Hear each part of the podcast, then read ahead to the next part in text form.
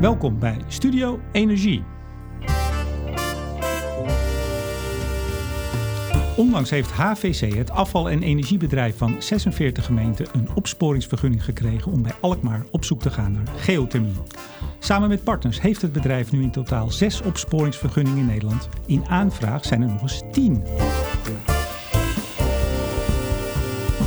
Ontgroeit geothermie de kleinschaligheid die de sector tot nu toe kenmerkt? En misschien nog belangrijker, maakt ze de professionaliseringsslag die nodig is voor de definitieve doorbraak? Ik vraag het aan de manager lokale warmte van HVC, Marco van Soerland.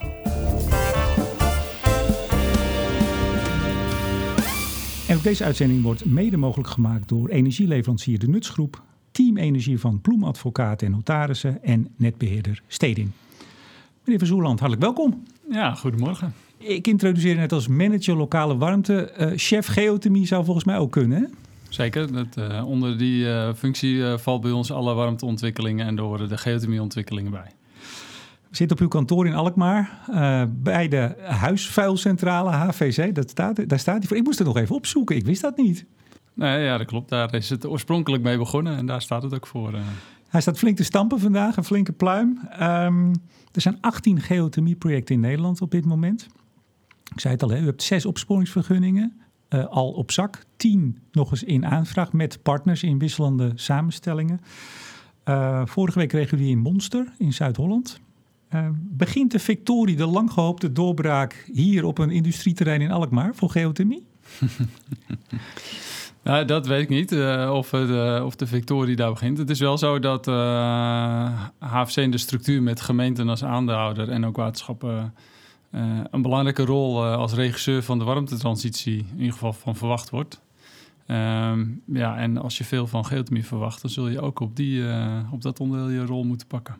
Want u bent van huis uit ja, de huisvuilcentrale, afvalverbranding inmiddels ook energiebedrijf. Uh, niet alleen in geothermie, u zit in alle, allerlei soorten. Nee, wij zouden graag uh, het, het, zo omschrijven dat we... We hebben de kerntaak van onze aandeelhouders gekregen als, als vehikel om de warmtetransitie uh, vorm te mede vorm te geven. En dat is techniek neutraal. Dat gaat over de beste oplossing uh, op, de plek, op de plek waar die thuis hoort. Uh, en of dat nou all electric is, of een collectief warmtenet, of een collectief warmtenet op geothermie dat zal op elke wijk, elke gemeente anders zijn. Eh. Maar u zit ook in, eh, in zonneprojecten, wind, Zeker, ja, ja. biogas. Ja, allemaal. En geothermie. Breed in de duurzame vertegenwoordigd. U bent begonnen als huisvuilcentrale Noord-Holland in Alkmaar, maar inmiddels in Zuid-Holland, uh, Flevoland, Friesland. Hoe, hoe is dat zo gegaan? Uh, ja, dat is natuurlijk allemaal nog een beetje van voor mijn tijd. En ik werk hier pas tien jaar. Uh, maar op een gegeven moment zijn de centrales van de, de afvalverwerkingscentrale in Dordrecht en die in Alkmaar gefuseerd of erbij elkaar gekomen. En zijn ook die aandeelhouders bij elkaar gekomen. Dus dat is de oorsprong. Maar inmiddels bent u wel een, een grote speler uh, in uh, Steeds meer gemeenten verkennen ook wat HFC doet vanuit de duurzaamheidsagenda. Ik denk dat de gemeente Westland als laatste nieuwe aandeelhouder... inmiddels al een aantal jaar geleden er ook bij is gekomen... om de duurzaamheidsagenda en niet zozeer om... Ja, wij praten meer in, niet in afval, maar in de grondstoffenagenda. Uh, want dat is uiteindelijk wat we met dat afval willen doen. Zoveel mogelijk terugwinnen.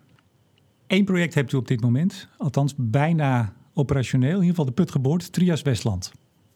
Hoe ver bent u? Ja, dat klopt. De putten zijn geboord. Uh, op dit moment is al een groot deel van het warmtenet aangelegd. De plant is in aanbouw. En in uh, april uh, verwachten we in bedrijf te gaan. En zullen we ook meteen doorpakken, want eind volgend jaar moet er meteen een tweede doublet bijgeboord worden. Waarom moet dat?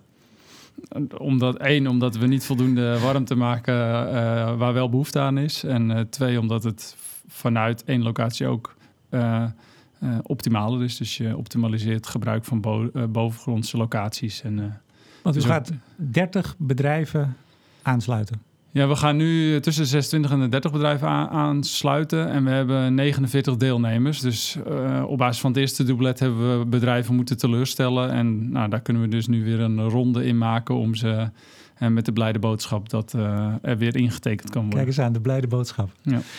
Maar dat zijn, eh, ik zei het in de intro al, er zijn zo'n 18 projecten op dit moment. Of 18 locaties eigenlijk, geloof 20 projecten. Bijna allemaal glastuinbouw, vrijwel allemaal. Uh, dit niet hè, Westland? Het Trias Westland is ook alleen glastuinbouw. Oh, hij is wel alleen Ja, glastuinbouw. Ja, ja, ja. Ja, in het Westland gebeurt veel meer. En we hebben wel, en zet ik vanuit HFC ook een eh, aanbod liggen bij 5000 nieuwbouwwoningen. Alleen die zullen nog wel, eh, voor die wijken moeten we de warmte nog wel inkopen bij of bestaande geothermie-projecten, ons eigen geothermie-project of nieuwe eh, projecten. Ja, dus de ambitie is wel om er meer, meer Zeker, van te maken ja, ja. dan... eh, Ja, alle is het wel zo dat in het Westland de woningbouw, of je nou 30.000 woningen aansluit of 10.000, het is een rimpeling op eh, het geheel van de glastuinbouw. eh. op het gehele energieverbruik Ja. van de glastuinbouw. Dus die liften vooral mee. Nou hebt u ook in, bij het Trias project geprobeerd meteen maar ultradiep te gaan, naar 4 kilometer. Dat is niet gelukt, hè? Nee, ja, wat de, toen we met het project begonnen, de ontwikkeling is al vanuit 2018, maar toen wij als consortium eh Capturam, eh Floor Holland en HFC eh, de handschoen gezamenlijk oppakten, dat was 2011. Toen waren er denk ik één of geen geothermie-projecten nog in Nederland. Maar omdat Floor Holland meer hoogwaardige warmte nodig had eh, dan die uit de laag op 2,5 kilometer diepte, eh, werd gekeken naar dieper. Omdat ja, dieper is ook heter. Eh, en dus makkelijker in de, in de veilinghallen in te passen in die installaties. Dat was de aanleiding. Later werd het veel meer de keuze eh, om naar die diepte te gaan... om uiteindelijk eh, het hele Westland van duurzame warmte te kunnen voorzien. Ehm, ja, en, en, en weten of die laag ook daadwerkelijk de potentie eh, heeft... was belangrijk om strategische keuzes voor de regio te maken... Ja, als die het niet doet, dan heb je heel veel warmte ook nog uit andere bronnen nodig. Uit biomassa, restwarmte uit Rotterdam. Eh, en als hij het wel zou doen, dan zou je netto exporteur als het Westland kunnen worden van geothermie voor de regio. Maar even dat stukje dieper boren, eh, dik een kilometer dieper dan waar u uiteindelijk nu de warmte vandaan haalt, dat kost ook een paar. Ja, daar hebben we uiteindelijk eh 7 miljoen bijna voor bij elkaar eh, gebracht om door te boren. en het fallback scenario te kunnen ontsluiten mocht het het niet doen. Ja, en we hebben helaas moeten vaststellen dat het inderdaad wel warmer is op die diepte, maar eh, op die plek in ieder geval het gesteente niet geschikt is voor eh, warmtewinning. Of in ieder geval niet op conventionele manier. Is dit nou al een voorbeeld van een partij als HVC, een groot bedrijf, een, een, een afval- en energiebedrijf in heel veel gemeenten, dat je dit ook kan doen? Want een, een tuinder alleen die zou niet zo snel even een risicootje van 7 miljoen nemen. Ja, ik weet niet of het specifiek over het risico gaat. Ik denk wel de, dat het gaat over de lange adem en de voorinvesteringen en het eh, professioneel eh, allemaal uitdenken aan de voorkant. Het financieren en de complexiteit van al die partijen bij elkaar brengen. Eh, verzin maar eens een model waarbij je met 49 glastuinbouwondernemers eh op één moment tot alle handtekeningen komt om het ook te kunnen realiseren. Eh, dat is gewoon wel anders dan dat je dat met vijf of tien tuinders eh, eh, bij elkaar zegt. We gaan het voor onszelf nu doen. En we kijken elkaar in de ogen en we doen het. U staat aan de vooravond van, nou ja, als het goed gaat, heel veel geothermieprojecten. Wat zijn nu al, het, het is nog niet helemaal rond, Trias, hè, het draait nog niet helemaal, maar wat zijn nu al de belangrijkste lessen? Nou, de belangrijkste lessen zijn denk ik, of, in ieder geval voor de opschaling. En dan kijk ik vooral naar hoe wij onze mijnbouworganisatie nu aan het inrichten zijn. Ehm, eh, dat is toch wel veel meer op eigen eh, kennis leunen dan eh, op die van consultants. Niet dat consultants je niet goed kunnen adviseren, maar het doorleven van elk advies, wat het risico of de kans, ja, waar het je echt als bedrijf of project raakt, eh, ja, dat is toch net een, een, een stap die je niet kan eh, inhuren. U glimlacht erbij. Ja, omdat, eh, ja, ik weet niet waarom ik erbij glimlach, maar Ik zou bij zeggen, geeft u eens een voorbeeld, want ik neem aan dat, dat u misschien dat eh, gaanderweg eh, ondervonden hebt. Nou ja, als je als consultant ergens een advies op geeft, dan is de vraagstelling ook heel belangrijk dat die compleet en volledig en alle nuances in zich moet hebben om het een genuanceerd en volledig en uitgedacht advies te kunnen laten zijn. Eh, dus, dat, eh, dus als je een advies krijgt op een materiaalkeuze of nou misschien is een voorbeeld eh, dat we hadden de eerste put geboord en het Trias die was vrij dik omdat we naar Trias gingen of grote diameter en toen was het eerste advies van toen die was mislukt, oh dan kunnen we de tweede wel een andere diameter een kleinere diameter goedkoper. Waar daar volledig niet was doordacht, vond ik dat eh, een grotere diameter heeft ook minder corrosie scaling risico's eh, heeft zich met zich mee, omdat de stroomsnelheid lager is. En, eh, en we hadden de buis toch al en er lag helemaal geen contract onder dat we die buizen konden terugleveren.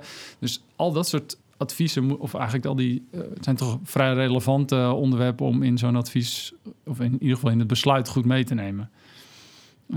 Dus ik denk dat het ook ondoenlijk is om daar waar het te complex is, dat adviseurs het helemaal kunnen doorgronden. Dus, eh, Maar wo- wordt u straks gewoon... U, be- u bent eigenlijk al de grootste partij in Nederland, hè? althans op, in ieder geval in potentie. Nou, dan in ieder geval in potentie. En dan kan ik niet in de portefeuille van anderen helemaal kijken. Maar eh, ik denk dat eh, op dit moment in ieder geval eh Hydreco en eh, ECW als misschien zelfs wel in aantallen mensen, maar in ieder geval in concrete projecten waar zij verantwoordelijk voor zijn, eh, eh, iets groter zijn. We hebben denk ik wel een andere aanpak en een andere focus. Eh, integrale projecten, dus niet alleen het geothermie-deel, maar vooral vanuit de, opga- de maatschappelijke opgave, dus de gebouwde omgeving. Dat is uiteindelijk wat onze drijfveer is, daar snelheid en eh, impact eh, op de verduurzaming realiseren. Nou is eh, SODM volgens mij wel blij dat er professionele partijen instappen. Klopt dat? Eh, ja, dat eh, is in ieder geval wat ze roepen dat dat nodig is. Eh, want dus ik, eh, het is niet zo dat ze... eh, dat ze ja, ik, ik, neem aan dat ze daar blij mee zijn. En, eh, maar het is niet dat ze uitgebreid eh, je complimenteren over wat je doet of zo. Hè. Ze kijken natuurlijk vooral wat je doet. En je hoort het vooral als het niet voldoet aan... eh, Ik, ik refereer, en dat snapt u, aan het rapport Staat van de Sector Ja. vorig jaar. Dat loog er niet om, hè? nee. Eh, veiligheids- en milieurisico's worden onvoldoende onderkend. Matig ontwikkelde veiligheidscultuur, wet en regelgeving worden niet goed nageleefd. En eigenlijk, zei de toezichthouder, veiligheid en bescherming van het milieu zijn onvoldoende geborgd. Eh, u was toen al een tijdje met, eh, met geothermie bezig. Wat, wat dacht u toen u dat las?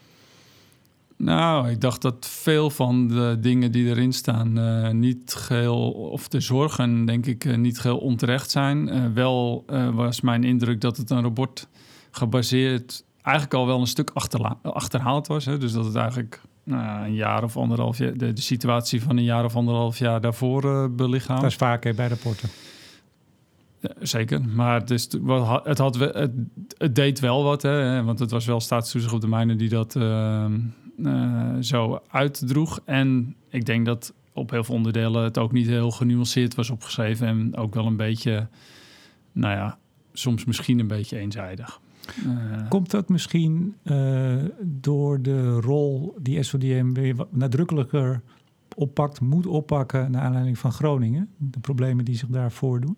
Ja, ik denk dat eh, wat we wel zien is dat eh, eigenlijk als ik er nu naar zou moeten kijken, zijn ze met een beetje met een big bang is SODM een stap voorwaarts eh, in de geothermie sector gedaan met de staats, eh, staat van de sector.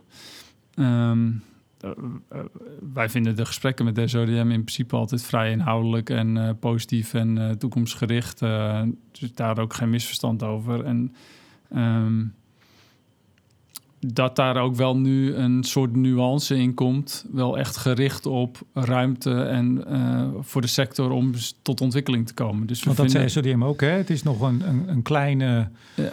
eh, nog niet heel professionele sector. Tuinders doen het erbij, Ja. of deden het erbij. U en Hydreco en, en eh, ECW is het, hè? Ja. ja die, dat zijn partijen die het professioneler aanpakken. Maar, maar toch even, ehm, het project in Groningen... waar men echt grootse plannen had voor, ik geloof, 10.000 woningen en eh, nog wat gebouwen. Eigenlijk de nek omgedraaid door SODM in Ja, eh, actief breukgebied, eh zullen we maar zeggen. Eh, twee projecten in Limburg stilgelegd. Twee geothermieprojecten. Ehm, en, en onlangs nog zei SODM in het Financiële Dagblad... ja, eigenlijk met de helft van de huidige projecten is wel wat liggen of stil. Nou, we hebben Ammerlaan, waar natuurlijk een, een breuk in de grond. Het, het is niet echt heel erg vrolijkmakend als je ook nog dus die recente berichten leest over geothermie. ja, ik denk dat je een aantal dingen wel moet onderscheiden. En is eh, Groningen, Limburg zijn natuurlijk geologisch gezien wel echt een ander verhaal als, eh, al- als eh, nou, laten we zeggen, de Zuid-Hollandse regio. Maar bent u niet bang dat, dat, dat die nuance wegvalt en dat mensen alleen maar horen... oh, Zeker, er dat is natuurlijk gedoe. een belangrijk... zeker in de publieke opinie is het vrij relevant. Zeker een risico. Eh, waar we erg beducht op zijn. Om in, ja, dat vraagt gewoon van de geothermie sector om eh, vroegtijdig goed uit te leggen wat je doet, waarom je doet, hoe je doet. Ehm, Hoe doet u dat bij Trias? Of hoe hebt u dat gedaan? Ehm, ja, dat, we zijn vroegtijdig met de omgeving in gesprek gegaan. Hè, uh, om, omwonende bijeenkomsten. we zijn ja, met de buren in ieder geval gewoon aan, de, aan de keukentafel al een half jaar voordat die boortoren kwam het gesprek aangegaan. en dan gaat het ook gewoon over licht, geluid. alle, het heeft gewoon grote impact op de omgeving, in ieder geval tijdens het boortraject. Want er is, er is volgens mij niet groot ophef geweest. Nee, nou is het, het Westland natuurlijk ook in die zin wel ervaren met uh, boortorens in de achtertuin ja, voor de olie en gas. Dus ik denk dat er daar ook niet iets, iets, iets heel erg nieuws gebeurde. Uh, behalve dat het nu voor lokaal gebruik is en voor de, ja, iedereen is daar wel verbonden aan de glastuinbouwsector. Dus ik denk dat daar ook, ja, er zijn wel vragen over geweest, maar niet heel veel spanning over. Kijk, en geothermie is natuurlijk local voor local. Ik krijg heel veel vragen over uh, over de angst voor aardbevingen. Maar uiteindelijk is geothermie natuurlijk local voor local. En als de bron is local voor local, als die local schade zou aanrichten, dan, dan stopt, is het ook veel automa automatischer dat het daarom stop wordt gezet. Nou had u 25 september, uh, toen de Studio Energieborrel was, u kon niet komen, u liet mij weten, we hebben een probleem, een calamiteit bij het aanleggen van het. Oh ja, ja, was, ja, ik moest even denken, wat was er ook weer aan de hand? Uh, ja, ja. Uh, was, was de, mm, de OCAP-leiding stuk getrokken. Dat, dat was wel een serieus incident, hè? Nou, het, het, was vrij onder controle, maar als je een CO2-leiding kapot trekt, het was een aansluitleiding, dan spuit dat met, wat was het, 8 bar geloof ik, en dat is met vrij veel geweld. En CO2 is niet uh, explosief of iets dergelijks, maar ja, wel zuurstofverdringend. Dus het is wel meteen opschaling naar brandweer. En, uh, en het duurt gewoon echt een aantal uur voordat ze hem uh, dicht hadden. Dus dat staat dan een aantal uur met grof geweld te blazen. Dus dat, maar ook dat heeft niet tot heel grote commotie geleid, naar nee, ik dacht. Nee, nee. Um, nog even over die, die staat van de sector. Um, Nederland wil opschalen. Moet opschalen, begrijpen we. U hebt een adviseur, strategisch adviseur hier bij HVC, dat is Diederik Samsom. Die uh, volgens mij een zeer warm pleitbezorger is van, uh, uh, van, van geothermie. Um, tot nu toe vindt het vooral plaats bij, bij tuinders, ook in glastuinbouwgebied. U zei het al, daar is men ook wel wat gewend. Hoe denkt u dat dit gaat als u straks in, ik zou bijna zeggen, in bewoond gebied aan de slag gaat? Nou, dat daar veel en veel meer aandacht voor de omgeving zou moeten zijn. En dat hebben we ook zelfs op het moment dat je een vergunning al krijgt. Dus dat is eigenlijk nog als je zelf nog helemaal niet weet wat je gaat doen. Want je hebt alleen nog maar een opsporingsvergunning aangevraagd en dan begin je ongeveer met de onderzoeken. Um, dan al proactief en veelvuldig met de omgeving in gesprek. en dan begint het eigenlijk niet dat je gaat um, hebben over geothermie, maar dan gaat het over, bent u zich bewust van de warmtetransitie? Het gaat veel meer, het begint bij dat verhaal. En dan pas afdalen naar, oké, en welke rol heeft geothermie daar dan? En, nou, en dan ben je op dezelfde level om het te hebben over een geothermieproject in Heergewaard. En hoe dat er dan uitziet. Er is heel veel meer aandacht zal het vragen. Maar ook gewoon, eh, bij burgers leeft uiteindelijk dan toch meer ook... Uh, wat gaat het mij kosten? En, uh, hoe, dus het, het verhaal over het warmtenet en de impact in de wijk uh, van die aanleg komt eigenlijk vrij snel op de voorgrond. Behalve ja, toch de, de, belangrijke vragen over aardbevingsrisico en krijgen we hier Groningen. Dus dat is wel een, heel, een hele lastige. Hè? Dat, je hoort het natuurlijk heel snel bij kleine velden gaswinning op dit moment. En er moet ook toch, al is het niet zoveel als bij bijvoorbeeld schaliegas, er moet ook wel wat chemicaliën de grond in. Vertelt u dat dan ook al in dat soort gesprekken? Ja, zeker. Ja, dan leggen we wel uit waar die voor zijn. En dat we bij Trias Westland nu een uh, concept aan het uitwerken zijn dat we met, uh, nog een hele kunststof binnenbuis in, in de stalen casing willen aanbrengen. En om juist dan weer die chemicaliën niet te hoeven gebruiken. Dus dat ook daarin is de sector jong en nog in ontwikkeling. Dat is zo, dan hoeft u helemaal geen chemicaliën te gebruiken? Hoe werkt dat dan? Nou ja, die chemicaliën die stop je erin om de stalen buis een beschermlaagje aan te brengen. Nou, als je een kunststofbuis tot aan beneden inbrengt, waardoor je produceert, ja, dan is er geen stromend contact meer tussen de stalen buis en het uh, water. En, die, en dat GRE-kunststof, uh, dat kan er goed tegen. En dat, betekent dat dan een, een, meerprijs? Is dat duurder? Zeker, dan moeten we even, als we dat bij Trias Westland gaan doen, dan moeten we even anderhalf miljoen uh, extra investeren om dat bij twee putten mogelijk te maken. Ja. Doe maar. Ja, met aardig is, Um, uh, over de looptijd van het project is het uh, budgetneutraal. Want juist omdat je al die operationele, uh, alleen al de chemicaliën en dergelijke en inhibitors noemen dat niet nodig hebt, kun je een belangrijk deel van die investering ook gewoon weer terugverdienen. Is dat nou ook weer een voorbeeld van een bedrijf als HVC wat instapt, die hier naar kijkt en dit? Ja, al dat je niet naar de kosten aan de voorkant alleen maar hoeft te kijken, maar de lifecycle kosten en levensduur en putintegriteit en Kijk, uiteindelijk begint bij ons project niet met een hoeveelheid geld die we beschikbaar hebben om het te maken. Het begint bij een goed project en dat gaan we financieren. Um, ja, dat is wel uh, een, een, voordeel van stevige grote partijen op een project hebben. Nou is er uh, Masterplan Geothermie, dat is dit jaar uh, gepresenteerd. Uh, door EBN mede ook uh, is daar aan gewerkt en de sector uh, breed. Hebt u daar ook een, een, inbreng in gehad? Ja, er zijn vele workshops en sessies geweest waar ook mensen van ons en een aantal ikzelf bij betrokken zijn geweest. Ja. Als we dan kijken naar de, de, de groei, de gehoopte groei, de verwachte groei, nu ongeveer 3 petajoule aan aardwarmte in Nederland. Dat moet in 2030 al 50 eh, zijn. En in 2050 200 petajoule. Ongeveer de, de helft van de warmtevraag, de laag temperatuurwarmtevraag in de gebouwde omgeving.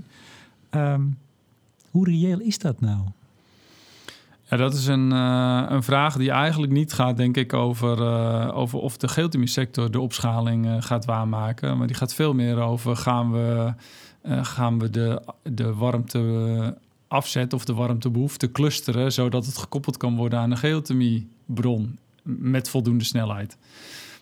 En dan zou ik bijna moeten verwijzen naar het klimaatakkoord. Daar is toch wel belangrijk hoe de uh, structurering van de, en het organiseren van de warmtetransities een beslag gaat krijgen. Gaan we inderdaad uh, gemeenten wijken aanwijzen en gaan we in een uh, programmatische aanpak uh, wijk voor wijk die gemeente, gemeente voor gemeente ze ombouwen naar al dan niet all-electric individuele concepten of collectieve warmtenetten. Ja, want het gaat niet om in principe dat, dat putje boren is nog best lastig en daar komt veel bij kijken. Maar volgens heb je nog een horizontaal warmte net nodig. En uit elke investering is dat veel meer dan die geothermieputten. Dus de echte opgave van de warmtetransitie zit hem veel meer in de meerjaren ontwikkelstrategie van nou, dan in dit in het geval van geothermie een warmtenet en de meerjaren bronnenstrategie. En want bij de eerste 500 woningen begin je nog niet met de geothermie dubbelet, maar dan moet er ook al iets zijn wat duurzaam is en leveringszekerheid biedt. En dus die complexiteit uh, is veel belangrijker voor de warmtetransitie dan um, dan de opschaling en de professionalisering van de geothermie-sector. Maar is dan. Die zal uh, volgen, uh, volgend zijn aan de snelheid dat de warmtevraag is. Ja, en dan is dus de vraag: gaat dat dan gebeuren? Dus niet zozeer geothermie, maar dat aanwijzen van die wijken, et cetera. Ziet u dat gebeuren? Uh, nou ja, we zien daar wel grote dingen natuurlijk gebeuren. Dat en woningcoöperaties zien we dat die hebben hun plannen vorig jaar al ingediend. Of in ieder geval hun analyses. En die ze komen zelf wel tot de ontdekking dat uh, vol inzetten op uh, collectieve warmte uiteindelijk uh, voor hun, of eigenlijk breed, een oplossing is tegen laagst mogelijke maatschappelijke kosten. en daarmee zien we ook bijvoorbeeld in de, in de drechtsteden dat die coöperaties als groep nu gewoon zeggen: Dit is onze woningvoorraad, doe ons een aanbod. Het liefst voor alles. En dat is een hele complexe vraag, want het gaat over individueel verketelde woningen met mooie tuintjes en het gaat over laagbouw en hoogbouw, alles door elkaar. Um, en dat zeg ik, dat is een veel complexere vraag dan, uh, uh, dan onderzoeken waar je geothermie kan doen en op welk moment je die kan inpassen. Want uh, warmtenetten hebben nou ook nog niet echt een hele beste naam. Er zijn echt hele felle tegenstanders die de hoge kosten het niet kunnen overstappen naar een concurrent, zoals je dat bij gas en, eh, en licht of elektra wel kunt. Ja. Hoe, hoe, denkt u dat zich dat ontwikkelt? Nou ja, dat is natuurlijk gewoon waar. En, uh, dat, dat, dat is gewoon een geven van er is veel weerstand voor in, in een steeds individuelere marktkeuzes die we hebben. en dat je als je aan een warmtenet zit, dat toch een monopolie is. Ehm, dus ik denk dat sleutel is bij de warmtetransitie dat er een model gevonden wordt waarbij transparantie en draagvlak en openheid is.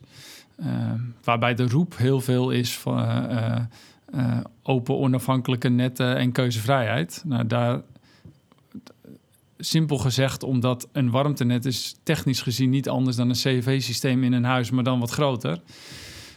Dat is vrij technisch gezien zie ik daar niet zo heel veel mogelijkheden om daar nou echt een blije warmtemarkt op te maken waar individuele huizen van de een naar de andere leverancier kunnen. En dat is wel een, een, een de, de, de route van keuzevrijheid op het warmtenet als burger, uh, daar is heel veel roep naar. En dat is ook wel logisch. En heel veel uh, bestuurders lopen daar ook wel achteraan van dat moeten we hebben. Want maar is, is, het, is het mogelijk? Kun je concurrentie op een lokaal warmtenet organiseren? Nou, ik denk dat het op, in, op unieke plekken of op sommige plekken best mogelijk is. En dat daar veel mee gepeild moet worden. En dat in de eindplaatje dat ook echt wel gewenst is. Uh, ik betwijfel wel of daar uh, snelheid uh, op de warmtetransitie mee gemaakt wordt. En of het tegen de laagst mogelijke kosten dan gaat. Hè. Dus dat is volgens mij doelmatigheid is denk ik belangrijk. Dus ik denk dat het een heel goed zou zijn voor het draagvlak. Maar niet de doelmatigheid en de snelheid die we daarmee gaan maken. En, dus, en wat, waar breng je dat aan? Dat er iets anders moet komen wat wel dicht bij de burgers en voor transparantie en openheid zorgt. En dat is natuurlijk waarom wij als HVC ook als publiek uh, warmtebedrijf als gereedschap van de gemeenten die een belangrijke rol in de transitie hebben, zeggen ja, je moet dat dicht op de burger in publiek handen organiseren, zodat je in ieder geval uh, als die netten er eenmaal zijn en ontwikkeld zijn, dat je in ieder geval zelf de keuze kan maken om het los te knippen of open te stellen of uh, hoe dan ook. Ja, want in het nu zijn onze warmtenetten al open. en in Dordrecht is juridisch geregeld dat third-party access geborgd is. Dus party access. Ja, dus ook. Er zit meer aan de bronnenkant. Uh, dat het open is. Dus iedereen roept altijd open netten, maar je moet altijd dan wel definiëren wat bedoel je met open aan de bronnenkant of aan de kant. En dus uh, wij, wij geloven meer in het model van uh, de business case en alle getalletjes op, open op tafel en dat iedereen inzicht heeft wat er gebeurt. En het liefst ook een participatiemodel dat, dat het eigen wordt. Uh, dus aan alle kanten zijn we flexibel in het model uh, van hoe je het warmtenet of het warmtebedrijf opzet en ontwikkelt. En het liefst de inwoners in laat participeren. Uh, omdat draagvlak is natuurlijk wel een sleutel. Maar, maar, toch even, als ik in Dordrecht zit en ik, ik heb een leuk idee om een biomassa-centraletje te bouwen, dan kan ik me gewoon melden en zeggen: ik wil mijn warmte kwijt op jullie net. Ja. Maar dan op een gegeven moment kan het er ook te veel warmte zijn. Als er meer ja, ja veel... nee, het is niet een recht van je mag het erop dumpen dus uh, volgens mij, uh, net als dat, uh, dan zul je er ook de klanten bij moeten hebben. Ehm, want het is uiteindelijk een. In, kijk, warmtenetten zijn niet een koperen plaats zoals we met elektriciteit kennen, dat zijn weg in West-Europa wel vindt. warmte is iets lokaals. Dus ja, als je lokale bron blijft plaatsen, heb je ook al lokaal de afnemers daarvoor nodig. Nou, nou, zei, nou schetst u net een beeld van die geothermie-putten, dat is eigenlijk niet het, het ding. Het gaat om nou, die netten ontwikkelen. Uh, en vooral ook bronnen en aanbieders, et cetera. Als ik u zo hoor, dan denk ik, nou, dat is heel veel samenwerking. Dat zijn heel veel verschillende partijen met vaak verschillende belangen die dan samen moeten komen tot dit concept, tot dit project, tot een warmtenet. Um, ziet u dat gaan gebeuren? Ja, dat is natuurlijk een inschatting. Ik weet niet of het gaat gebeuren. Het is in ieder geval een reden dat we. Nou, u ziet al in heel veel gemeenten. Nou ja, we, al hoe... we zien het op heel veel plekken dat het geprobeerd wordt en uh, niet lukt. En, en waarom lukt het dan niet? Ja, omdat het uh, toch denk ik een stukje transparantie mist. Het heel veel belangen zijn. Het een marginale business case maar is. u heeft een paar keer transparantie gezegd. Wie moet er transparanter zijn over wat? Nou ja, ik denk alle partijen. Uh, de, dus ook de. Maar je ziet natuurlijk dat er iemand die een geothermiebron wil maken, dan moet er altijd nog iemand anders leveringszekerheid gaan bieden, want die geothermieput staat wel eens uit. En je ziet vaak dat er dan iemand bij is voor het warmtenet. Ja, en het warmtenet is alleen maar stalen buis, dus daar heb je geen leveringszekerheid mee. Biomassa-centraletje dus, of iets, keteltje. Ja, dus het moet allemaal bij elkaar komen en al die. En het is al een marginale business case voor de hele keten. Uh, dus als je dat ook nog eens gaat opknippen en iedereen probeert zijn eigen risico's te optimaliseren, dan ergens gaat het een keer. Uh... Maar u zegt, wij, wij zien het in een aantal gemeenten, daar mislukt het al. Wat, wat geeft u dan hoop? Wat zal er anders gaan? Wat moet er anders nou, gaan? Wat, dan... wat er anders moet, is dat het veel meer. Iedereen moet zich bewust zijn van dat warmte is een integrale business case. Het gaat niet vanzelf als je maar uh, leidingen in de grond legt, dan komen niet vanzelf de bronnen. Nee, maar dat is helder. Maar wat moet er dan concreet gebeuren? Wie moet wat doen om toch over die hobbel heen te komen? Nou ja, ehm, wij denken dat dat moet vanuit integraliteit. Dus dat is natuurlijk uiteindelijk, we, we kijken toch een beetje naar marktfalen. Waarom lukt het niet? En dat is de reden waarom gemeenten met HFC iets gaan doen, omdat het met de markt alleen niet lukt. En daarom zitten we in alles. Bron, netten en levering. En we willen met iedereen samenwerken dat uh, tot meer snelheid maakt. Nou heb ik nog eens een keer bij de presentatie van, ik dacht de energieagenda, maar daar kan, wil ik even vanaf zijn, met minister Kamp. En die hield daar een gloedvol verhaal over hoe uh, het toenmalig kabinet, vorig kabinet, het succes en de aanpak vooral van wind op zee, ja. waarbij de overheid, de Rijksoverheid, allerlei risico's eruit heeft gehaald, hapklare tenders op de markt bracht, wat voor een enorme kostprijsverlaging heeft gezorgd, althans een tenderprijsverlaging. Dat wilde het kabinet ook voor geothermie en zonneparken uh, gaan doen. Hebben we niet zoveel meer van gehoord. Wat vindt u op dit moment van de rol van de Rijksoverheid uh, en hoe zou die wellicht beter kunnen? Nou, dat zou zeker een, voor geothermie een uh, goede stap zijn als er zijn natuurlijk gebieden in Nederland waar nog vrij weinig naar olie en gas is geboord. Dus waar weinig data beschikbaar is van geothermie. En ja, dan is het toch uiteindelijk dat je pas weet of die geothermie potentie heeft als er een keer geboord is. dus één Rijksoverheid zou meer kunnen. Seismisch onderzoek, uh, nieuwe seismiek. Uh, en misschien zelfs wel in gebieden waar het onzeker is door de beperkte data, ja, verdergaandere garanties uh, om pilots mogelijk te maken. Of maar wat, wat uh, Helmond had ontzettend grote plannen en die moesten nou, wat was het, een week of twee geleden vaststellen dat uh, bij hun de bodem niet geschikt is. Ja, ik ken al natuurlijk niet. Uh, het is allemaal vrij, het oosten van het land is wat verder van ons uh, aandeelhoudersgebied. Dus we proberen alles te volgen, maar er gebeurt veel. En, uh, ja. Nee, maar, dus, maar, maar EBN, GroenLinks heeft in de Kamer al jaren geleden gepleit voor een rol van EBN ja. in bijvoorbeeld nou ja, hè, het in kaart brengen van de ondergrond. Ik heb ook de baas van EBN nog voor de zomer geïnterviewd. Nou, het zou, het zou bijna zover zijn, zei hij toen, dat ze mochten. Ja. Maar volgens mij is daar ook nog steeds geen. Echt nou, we wachten nog steeds op de brief aan de minister dat ze, uh, dat ze wat uh, mogen of moeten. Uh, ondertussen spreken we deze, de mensen van EBN natuurlijk vaak. En hebben we ook wel. Komt ook de complexiteit van warmte al wel weer naar voren. Want dan is de vraag van ja, vinden, zouden wij het leuk vinden als ze zouden meedoen? Nou, wij zouden heel graag met EBN dingen ontwikkelen. Omdat het ook een stukje risicospreiding is. En het is denk ik ook wel logisch in technieken waar veel subsidie SDE in gaat, dat er een stukje terugvloeit via de participatie van de staat. Allemaal hartstikke logisch. Alleen mijn eerste vraag daar is wel geweest. Zijn jullie ook bewust dat je niet alleen participeert in termen van risico in een geothermie doublet, maar in een warmtebedrijf? Want het renderen van de put is niet een liquide markt in, eh, in Europa waar je de warmte afzet, is lokaal moet de warmte wel uh, de afzet zich ontwikkelen. Maar dat gaat dan weer ver boven de rol van de huidige rol van EBN heen. Nou ja, dus daar is dan weer, oh ja, dat hoort er ook bij. Daar moeten ze over na. Nou ja, je, je, je kan of participeren in het hele warmtebedrijf, of je kan in het contract van de bron met het warmtebedrijf die risico's doorleggen. Maar je kan niet zeggen, we doen daar niet in mee, want dan heb ik niks aan je. Maar dus uh, de staat uh, in de rol, of via EBN als staatsbedrijf, kan de ondergrond in kaart brengen. Wat, wat, is nou nog meer een rol die de staat, en misschien nog even los van EBN, zou kunnen, misschien moeten pakken in uw visie? Nou, ik denk dat het goed is dat daarmee is natuurlijk ook een soort kennisdeling meteen. Hè? Dat, uh, dat als staat in alle projecten zit, dan is er ook wel de kennis. En er zitten gewoon goede geologen en andere specialisten bij EBN die die kennis kunnen vergaren en inzetten daar waar ze als participant aan tafel zitten. Dus maar, maar als we toch weer even de vergelijking met wind op zee. Daar heeft de staat gezegd op die plek, wij gaan die plek in kaart brengen waar we dat goed kunnen doen. We gaan de bodem in kaart brengen. Bied hier maar op.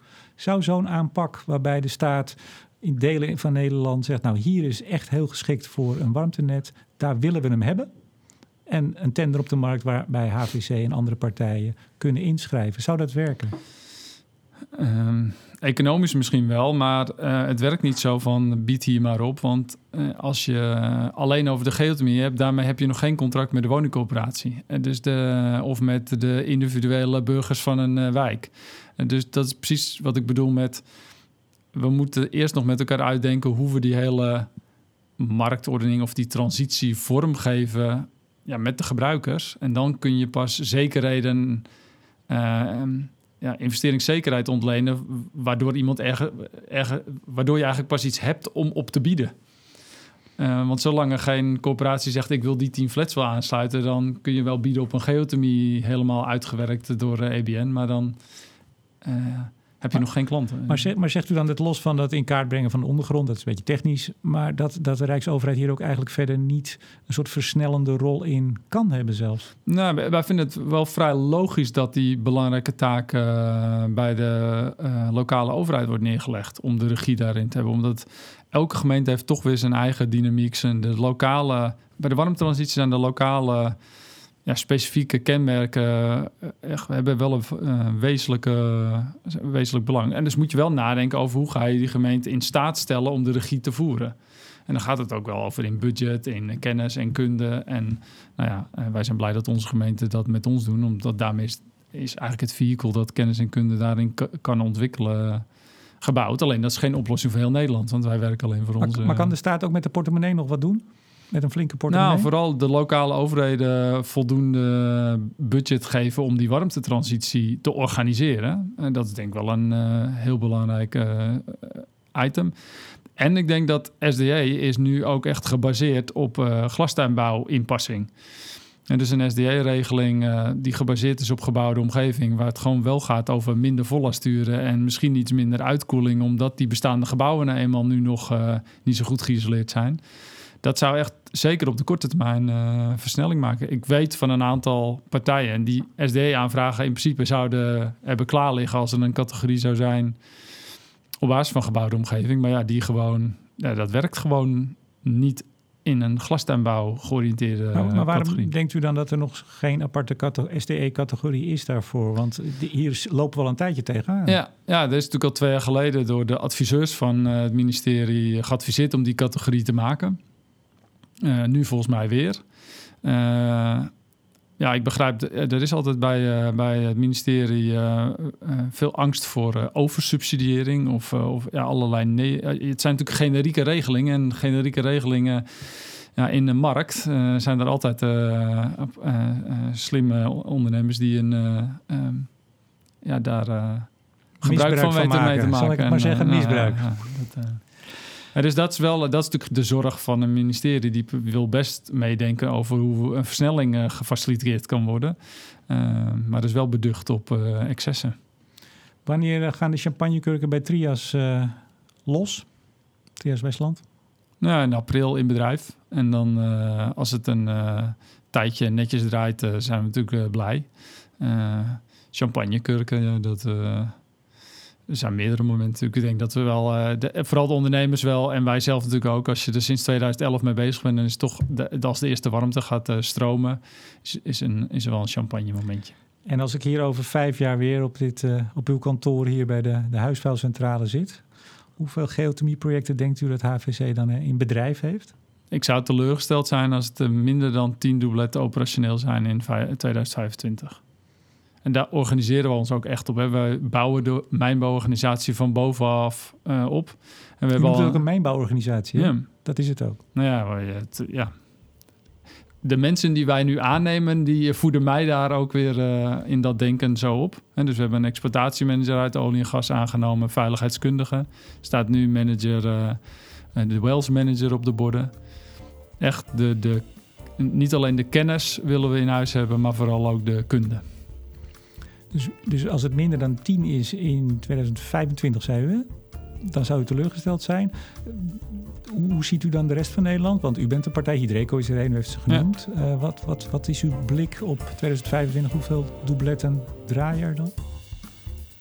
Nou, als, als er gewoon de rest van de sector uh, in dezelfde pas uh, bezig is als wij. En volgens mij uh, is dat zo. Als ik partijen ook als Engie en allerlei andere Vermilion route nu Nuon is bezig. Eh, eh, dus het zou toch, dan zouden toch wel 30 tot 50 doubletten eh, moeten kunnen staan. Dan, dan, moet er nog een flinke sprint naar 2030 worden getrokken. Zeker. Gelukkig hoeven wij het ook niet alleen te doen. Hè? Kijk aan. Marco van Soerland, uh, chef geothermie noem ik u dan maar, maar officieel manager lokale warmte bij HVC. Hartelijk dank voor dit gesprek. Graag gedaan. Bedank ook deze week energieleverancier De Nutsgroep, Team Energie van Ploemadvocaten en Notarissen en netbeheerder Stedin voor het mede mogelijk maken van deze uitzending. En uiteraard bedank ik jou, beste luisteraar, voor het luisteren. Mijn naam is Remco de Boer. Graag tot volgende week.